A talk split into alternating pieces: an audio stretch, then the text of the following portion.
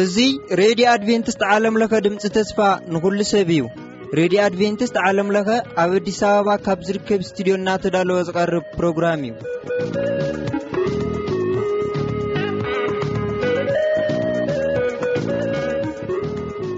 እዚ ትከታተልዎ ዘለኹም ረድዮኹም ረድዮ ኣድቨንቲስት ዓለም ለኸ ድምጺ ተስፋ ንኹሉ ሰብ እዩ። ሕዚ እቲ ናይ ህይወትና ቀንዲ ቁልፊ ዝኾነ ናይ እግዚኣብሔር ቃል ምዃኑ ኩላትኩም ኣይትዘንግዕዎን። እስቲ ብሓባር እነዳምጽ።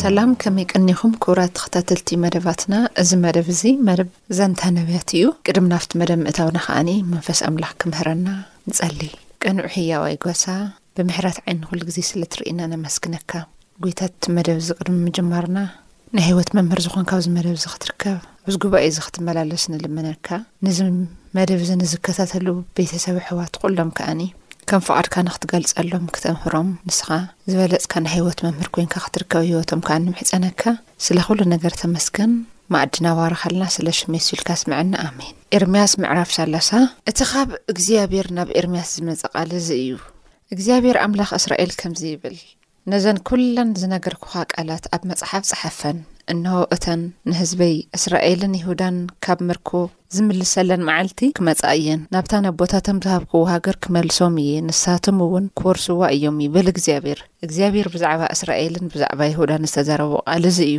እግዚኣብሄር ከምዚ ይብል ኣሎ፣ ዘፍርሕ ድምጺ ሰማዕና፣ ናይ ፍርሓት እምበር ናይ ሰላም ኣይኮነን። እስኪ ጠይቑ፣ ተመልከቱ፣ ተባዕታይዶ ክወልድ ይኽእል እዩ? ስለምንታይ ደኣ እዮም? እቶም ሰብኡት ከምታ ንምውላድ እትጽዕር ሰበይቲ ኮይኖም ኣእዳዎም ኣብ ሕቖኦም ጌሮም ዝርኢ ዘለኹ። ገጽ ኩሉ ሰብ ከ ጸሊሙ ዝረኣ ዘሎ ስለምንታይ እዩ? እታ መዓልቲ ዓባይ እያ እሞ ዝመዓራረያ የለን። ንያእቆብ ግዜ ጭንቂ እያ ግና ካብኣ ክድሕን እዩ።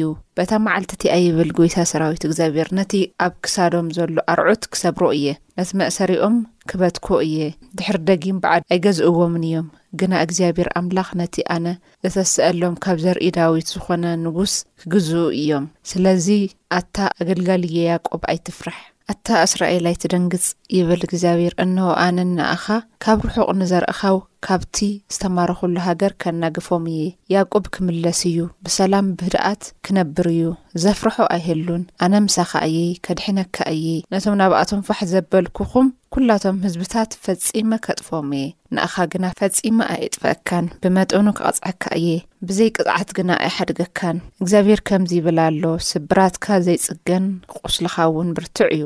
ዝሟጐተልካ የለን፣ ንቝስልኻ መድሓኒት የብሉን፣ ፈውሲ እውን ኣይትረክብን።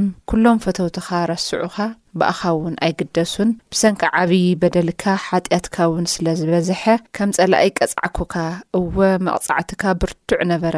ፈውሲ ንዘይርከቦ ሕማምካ ብዛዕባ ቁስልኻ ንምንታይ እተእዊ? ብበደልካ ብበዝሒ ሓጢኣትካ እየ ዝቐጻዕኩካ። ሕዚ ግና እቶም ፈጺሞም ዝውሕጡኻ ክወሓጡ እዮም። ኩሎም ጸላእትኻ ንምርኮ ክወሃቡ እዮም። ኩሎም ዝዓመጹኻ ክዕመጹ እዮም። ኩሎም ዝዘመቱኻ ከኣ ክዝመቱ እዮም። እቲ ሓደ እኳ ዘይግደሰላ ድርብይቲ ጽዮን ኢሎም ሰምዮምኪ እዮም እሞ፣ ኣነ ንኸጥዕየኪ ንቑስልኺውን ከሕውዮ እየ፣ ይብል እግዚኣብሄር። እግዚኣብሄር ከምዚ ይብል ኣሎ፣ እንሆ ምርኮ ድንኳን ያእቆብ ክምልስ እየ፣ ንመንበሪኦም ክርህርሀሉ እየ።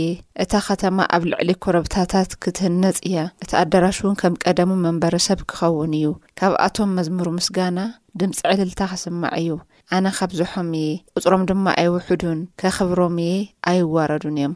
ደቆም ከም ቀደም ክዀኑ እዮም፣ ማሕበሮም ድማ ኣብ ቅድመይ ጸኒዑ ኪቐውም እዩ፣ ንዅሎም ገፋዓቶም ክቐጽዖም እየ፣ መራሒኦም ካባኣቶም ኪኸውን እዩ፣ ገዛኢኦም ከኣ ካብ ማእከሎም ኪትስእ እዩ። ናባይ ከቕርቦ እየ፣ ንሱውን ኪቐርበኒ እዩ፣ እንተ ዘይኰይኑ፣ ናባይ ደፊሩ ዚቐርብ መን እዩ? ይብል እግዚኣብሄር። ስለዚ፣ ንስኻትኩም ህዝበይ ክትኾኑኒ፣ ኣነ ድማ ኣምላኽ ክኾነኩም። እንሆ፣ ናይ እግዚኣብሔር ህቦብላ ይለዓል፣ ዝገለባበጥ ኣውሎ ንፋስ ኣብ ልዕሊ ናይ ክፍኣት ከውርድ እዩ። ጽኑዕ ቁጥዐ እግዚኣብሔር ሓሳብ ልቢ እንተይፈጸመ ስቕ ኢሉ ኣይምለስን። በተን ዳሕረዎት ዘመናት ነዚ ክተስተውዕልዎ ኢኹም። እግዚኣብሂር ከምዚ ይብል ኣሎ፣ በቲ ዘመን እቲ ንዅሎም ነገድ እስራኤል ኣምላኾም ክኸውን እየ፣ ንሳቶም ከዓ ህዝበይ ክኾኑኒ እዮም። እግዚኣብሂር ከምዚ ይብል ኣሎ፣ እቲ ኻብ ሰይፊ ዘምለጠ ህዝቢ ኣብ ምድረ በዳ ሞገስ ረኸበ።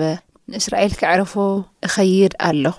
እግዚኣብሂር ካብ ርሑቕ ተገለጸለይ፣ ከምዚውን በለኒ፣ ብዘለኣለማዊ ፍቕሪ ፈትየኪ ኣለኹ ስለዚ ድማ ብርህራሄ ሰሓብኩኺ ኦ ድንግል እስራኤል መሊሰ ክሃንጸኪ እየ ንስኺ ውን ክትህነጺ ኢኺ እሞ ከም ብሓድሽ እውን ከበሮኺ ኣልዒልኪ ምስቶም ደረፍቲ ክትወጺ ኢኺ መሊስኪ ኣብ እምባታት ሰማርያ ኣታኸልቲ ወይኒ ክትተኽሊ ኢኺ እቶም ተኸልቲ ክተኽልዎ እዮም ብፍሪኡ ውን ደስ ክብሎም እዩ እቶም ኣብ እምባታት እፍሬም ዘለዉ ሓለውቲ ንዑ ናይ ናብ እግዚኣብሔር ኣምላኽና ናብ ጽዮን ንደይብ ኢሎም ዝጽውዑላ መዓልቲ ክትመጽእ እያ እግዚኣብሔር ከምዚ ይብል ኣሎ ስለ ያቆብ ብደስታ ዘምሩ ስለ እቲ ሓለቓ ኣሕዛብ ልዕል በሉ ዓው ኢልኩም ምስጋናኹም ኣስምዑ እንሆ ካብ ሃገር ሰሜን ከውጽኦም፣ ካብ ወሰን ምድሪ ከኣ ከእክቦም እየ፣ ምስኣቶም ድማ ዕውርን ሓንካስን ጥንስትን ቅልውላው ሕርሲ ዝተትሓዘት ሓቢሮም ዓብዪ ህዝቢ ኰይኖም ናብዚ ክምለሱ እዮም፣ እናበኸዩ ክመጹ እዮም፣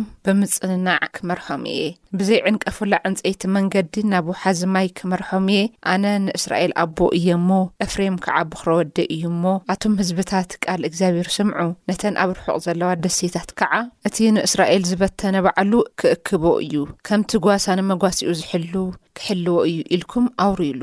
እግዚኣብሄር ንያእቆብ ተበዥይዎ እዩ፣ ካብ ኢድ እቲ ካብኡ ዝበርትዐ ከኣ ኣድሒንዎ እዩ።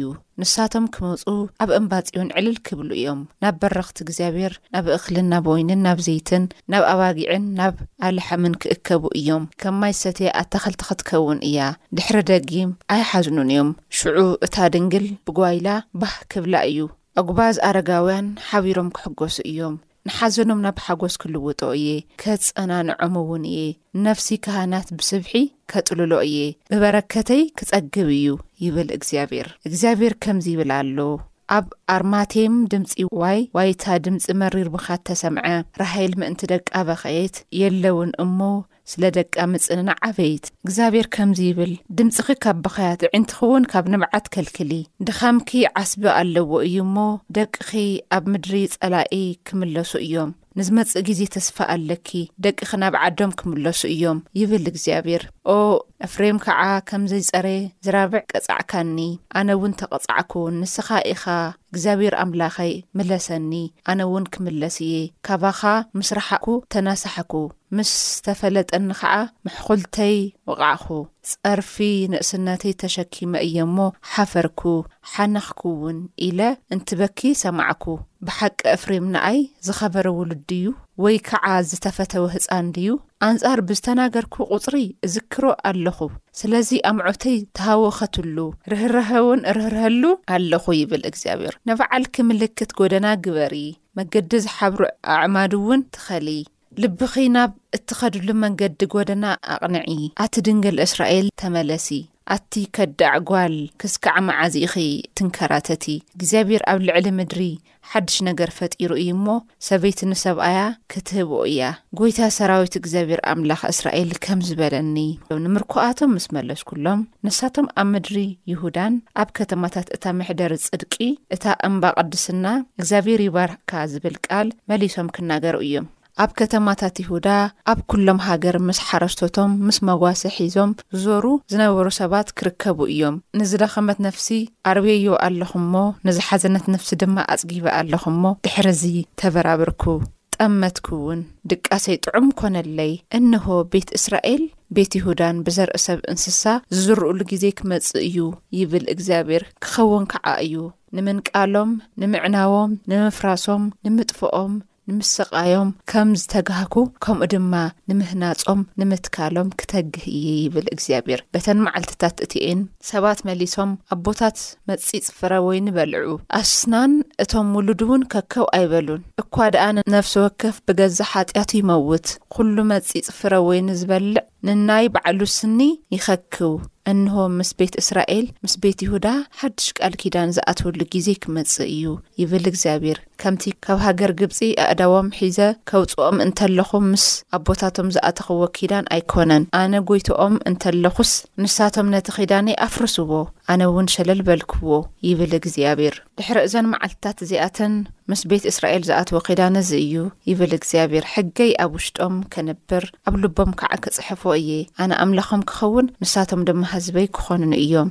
ካብ ንእሽተይ ክስቃዕ ዓብዪ ኵላቶም ክፈልጡኒ እዮም እሞ፣ ስለዚ ነፍሲ ወከፍ ንብጻዩ፣ ነፍሲ ወከፍ ንሓዉ ንእግዚኣብሄር ፍለጦ ኢሎም ኣይምህሩን፣ ድሕርዚ ንሳቶም ኣይመሃሃሩን እዮም፣ ኣነ ኸዓ በደሎም ይቕረ ኽብለሎም፣ ሓጢኣቶም ድማ ድሕርዚ ኣይዝክርን እየ ይብል እግዚኣብሄር። እታ ጸሓይ ብመዓልቲ ክትበርህ፣ ወርሒ ኽዋኽብቲ ከዓ ብለይቲ ክበርሁ፣ ዝሓገገ እቲ ባሕሪውን ማዕበሉ ክሃምም ዘናውጽ ስሙ ጎይታ ሰራዊት ዝኾነ እግዚኣብሔር ከምዚ ይብል እዚ ሕግጋት እዚ ኣብ ቅድመይ እንተ ተሳዒሩ ይብል እግዚኣብሔር ሽዑ ዘርኢ እስራኤል ንሓዋሩ ኣብ ቅድመይ ሕዝቢ ካብ ምዃኑ ክጠፍእ እዩ ኣብ ላዕሊ ዘለዉ ሰማያት ምልካዕ ኣብ ታሕቲ ዘሎ መሰረት ምድሪ ምምርማር እንተ ኽኢሉ፣ ሽዑ ኣነውን ብሰንኪ እቲ ዅሉ ዝገበርዎ ሓጢኣት ንዘርኢ እስራኤል ክድርብዮም እየ ይብል እግዚኣብሄር። እንሆ፣ እዛ ኸተማ እዚኣ ካብ ግምቢ ሃናንኤል ክስካዕ ደገ መኣዘን ንእግዚኣብሄር እትሕነጸሉ መዓልትታት ክመጻ እየን። እቲ መዐቀኒ ገመድ ከዓ ክስካዕ ኮረብታ ጋሬብ ቀጥ ኢሉ ክዝርጋሕ እዩ። ናብ ጉዓም ኣቢሉ ክምለስ እዩ። ኩሉ ሬሳታት ዝቕበርሉ፣ ሓሙኽሽቲ ዝጎሓፈሉ ለሰን ኩሉ እቲ ገራሁ ክሳዕ ሩባ ቄድሮን ብወገን ምብራቕ ድማ ክስካዕ እቲ መኣዘን ደገ ኣፍራስን ንእግዚኣብሔር ዝተቐደሰ ክኸውን እዩ። እታ ኸተማ ንሓዋሩ ከቶ ኣይትንቀልን ኣይትፈርስንውን እያ ይብል እግዚኣብሔር። ኣብዚ እንታይ ይብለና? ብዛዕባ እዚ እንደገና ንህዝቢ እስራኤል ናብቲ ባርነት ንኽሽወጥ ናብቲ ጨካናት መንግስታት ምስ ተደርበየ ምስ ተወሰደ ዝለኣኾ ተስፋ እዩ ኣብኡ ኮይኑ እውን እግዚኣብሔር ምስኦም ከም ድኾነ ይርኦም ይሕብሕቦም ከም ደሎ ክገልጸሎም ደልዩ ዝለኣኸ ቃል ከም ዝነበረ እዩ ዝነግረናና እዚ ቃል እዚ እንታይ እዩ እስራኤላውያን ብብዙሓት ሓሶት መምሃራን ካህናት ተኸቢቦም እግዚኣብሔር ዝተዛረቦ ንኸይቅበሉ እውን ብዙሕ ጸገማት ኣጋጢምዎም ነይሩ። ግን እግዚኣብሔር ኣምላኽ። እዚ ህዝቢ እዚ እንታይ ኢልዎ? ተስፋ ሂበካ እየ ግን ከይቀጻዕኹ ኣይመልሰካን እየ ኢልዎ። እዚ ማለት እግዚኣብሔር በቲ ናቱ መንገዲ ገይሩ ናይ ያዕቆብ ዘርኢ ወይ ድማ ናይ እስራኤል ትውልዲ ክመልስ ከም ዝደለየ ይነግረና።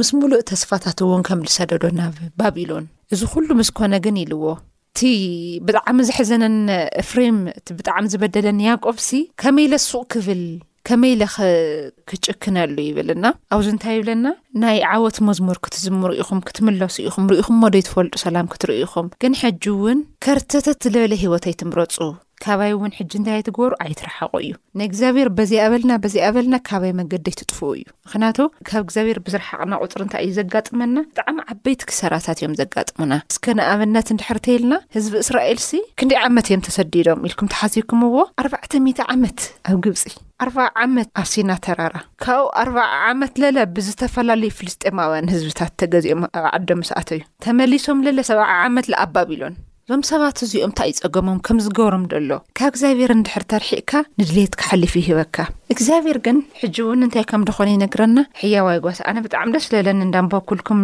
እንዳሃለኹ ኣስተውዒልኩም ንትኾንኩም ከምዚ እግዚኣብሔርስ ምስ እሶም ዝሰምዕዎ ዝነበሩ ዘፍርሕ ናይ ባቢሎን ድምፂ ዝተፈላለዩ ነገራት ከም ዝነበረ ታይ ይብል ኣብዚ ኣብ ምዕራፍ ሰላሳ ፍቅዲ ዓሰርተ ስለዚ ኣታ ኣገልጋሊ ያእቆብ ኣይትፍራሕ ኣታ እስራኤል ኣይትደንግጽ እንሆ ኣነ ንኣኻ ካብ ርሑቅ ንዘርእካውን ካብቲ ዝተማረኹሉ ሃገር ከናግፎም እየ ክመልሶም እየ እስኻ ርኢኻዮን ሰምዕካዮን ደይትፈልጥ ነገር ኣብ ዝርእካ ክገብር እየ እዩ እዛ መዓልቲ እዚኣ ዝመዓራርያ ግን መን ኣሎ ነዘን ከበድቲ ዝበሃላ ናይ ህይወትና መከራታት መጻወድያታትስ እስከ ንምሕላፍ ሞኪርናዶ ንፈልጥ ጽዒርናዶ ንፈልጥ ከቢድ እዩ እግዚኣብሔር ግን ገና ናብቲ ውድመትን ኪሳራን ዘለዎ ቅድሚ ምእታውና ታይ ይብለና ናብቲ ኪሳራ ንኸይንኣቲ ክነስተውዕል ይነግረና ካሊእ እኮ ይኾነይ ሰብስ ምስ እግዚኣብሔር ልኸይነብር ልመርጾ ዘሎ መንገዲ እኮ ሞት እዩ እኮ ልመርጽ ዘሎ ካሊእ እኮ ይኾነይ እና ታይ ከመሓላልፈልኩም ይደሊ ካብ የሱስ ወፃእ ንኸዶ መንገዲ ኩሉ ብእውነት በቃ ንሪኦ ደለና እዚ ናይዚ ህዝቢ እስራኤል እዚ ኣብ ሃገርና ዝካየድ ዘሎ ነገር እዩ እግዚኣብሔር ክንሕዝን ከለና ታይ ይፍጠር በቃ ባዕልና ልባዕልና ንወዳእ ብዙሕ ነገር ይፍጠር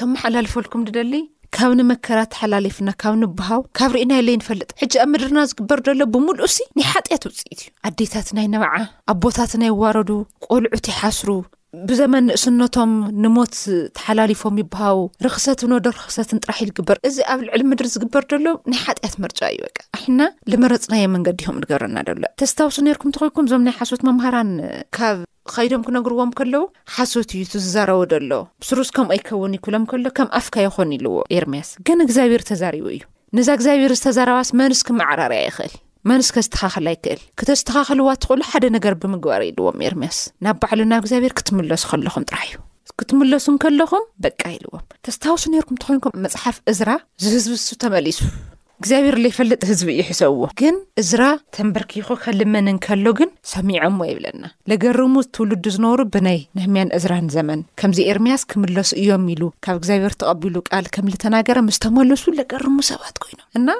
እዚ ኩሉ እዚ ከኣኒ ብእግዚኣብሄር ኣፍ ተዛሪቡ እዩ እግዚኣብሄር ዝለኣኾ እዩ ናታ ክብለኩም ይደሊ ኣሕዋተይ ኣንሕና ካብቲ ኣቲናዮ ደለና ዓዘቕቲ ካብቲ ኣቲናዮ ደለና ውርደት ኪሳራ መከራ ሕጂ እውን እግዚኣብሔር ቀረባ እዩ ከመይ ግን እግዚኣብሔር ቀረባ እዩ ዝበሃል ክንሰምዖ እንከለና ንሓሶት ንስሃ ደይኮነስ ናይ ብሓቂ እግዚኣብሔር ዘሽትቶ ዕጣን ዘሽትቶ ጸሎት ክኸውን ክኽእል ኣለዎ ኣምሲልና ደይኮና ክንምለስ ደለና ናይ ብሓቂ ኣብ ቅድሚ እግዚኣብሔር እፍሬምስ እንታይ ክብል ሰሚዕዎ በገዛ ሓጢኣተ እየ ጠፍኤ ክብል እንከሎ ምስ ሰምዖ እግዚኣብሔርስ ከመዓራርዮ ደልዩ ይብል እና እግዚኣብሔር ንናትና ህይወት ንምምዕርራይ ንምስትኻል ሕጂ እውን ቀረባ እዩ እንታ ክብለኩም ይደሊ ብዙሕ ነገራት በቃ ኣንሕና ካብ እግዚኣብሔር ክንወፅእ ከለና ዓለም ላብ ርእስና ለይተምፀልና ሰይጣን ላብ ርእስና ለየምፅኦ ትምህርትታት የለይ ናይ ፖለቲካ ሽርሕታት የምፀእልካ ኣብ ጠቓኻ ዘለው ሰባት ልርእዩካ ሰባት የምፀእልካ ግን ኩሉ ዝዝመፀ እግዚኣብሔር ሲ ኣብ ከበድቲ መዓታትስ ህዝቢ ይሕልው እዩ ታይ ብእምነት ናይ ብሓቂ ናቱ መንገዲ ዝተኸተሉ ኣይትሕለዊ ዲኹ ኣብዚ ምድሪ ዘሎ ዝወረደ መዓት ንኣኹም ተኾይኑ ዘይወሰደኩም እግዚኣብሔር ብፅላሉ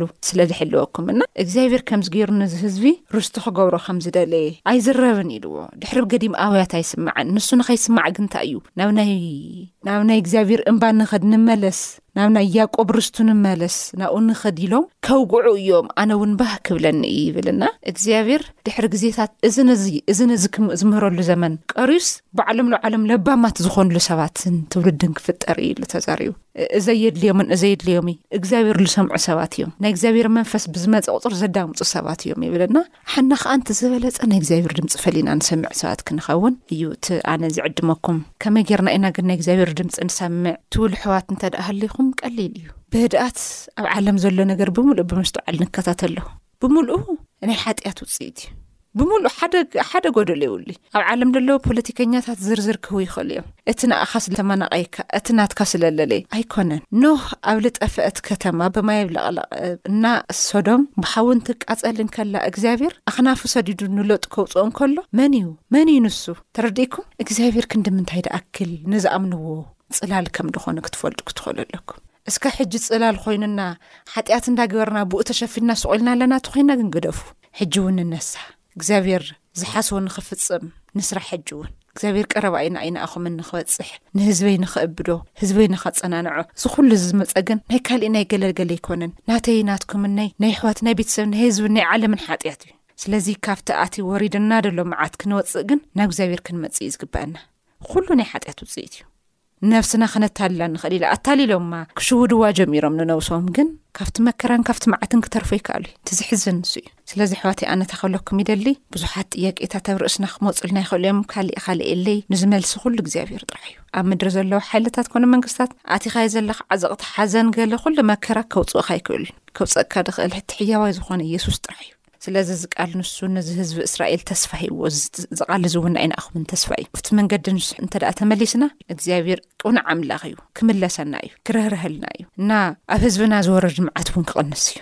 እዚ ምግባር ንኽእል ኢና። ካሊእ ምግባር ተለይከኣልና፣ ማዞር ትሬዛ ትፈልጥዋ ትኾኑ ኢኹም፣ ኣብ ቀደማይን ካልኣይ ኩናት ዓለም ኣብ ዝነበረሉ እዋን፣ እቶም ብጦርነት ወለዶም ንዝሰኣኑ ሰባት እንዳሓብሐበት፣ እስካብቲ ዝኖረቶ ዕድመኣ ፅቡቅ ነገር እንዳገበረት ሓሊፋ ዳሓር ኣብ ልኮነ እዋን ናይ ቀይ መስቀል መስራት እንታይ ኢልዋ ንዕሞ ዝጦርነት ብጣዕሚ ኣተሓሳሲብዎ ካብኡ ኣብዚ ጦር ሜዳ ኣቲናስ ንገልገል ኢሎማ እቲ ዝወለቶ ሓሳብ ናይ ዓበይቲ ሰባት ዘረባ እዩ ብጣዕሚ ደገርም ኣነ ኣብ ጦር ሜዳ ኣቲ ተክገብር ኣይክእልን ኣይግልግልን ብዛዕባ ሰላም ግን ክሰብኽ እየ ብዛዕባ ሰላም እንክስበኽ ንሓና ለዉ እንታይ ክንገብር ኣለና ናይ ሰላም ሰባት ናይ ሰላም ሰበኽቲ ናይ ሰላም ትርፊ ሰባት ጥራሕና ክንከውን ደለና ንዚ ኩሉ ልቃዎም መንፈስ እንተ ደኣ ህልና ንሕና ጥዑያት ኣይኮንናን ደለና ጽባሕ ኣብቲ ዝወርድ መዓት ተኻፈልቲ ክንከውን ኢና ወሪዱ እዚ መዓት ንኣኻ ዘይቃጽለካ ኣለት ኮንኪ ግን ብጣዕሚ ዕድለኛታት ኢኹም እና እንታ ክብሎ ክም ደሊ ናይ መዛዘሚ በቃ ንሕና ዝወሪዱ ደሎ መዓት ክንመልሶ ንኽእለሉ መንገዲ ሓደን ሓደን ዶ ክነግረኩም ኣሕዋተይ ጸሊኻ ኢልምለስ እዚ ኩሉ ህዝብና ዓለምና ዘይክእሎ መከራ ኣትዩ ደሎ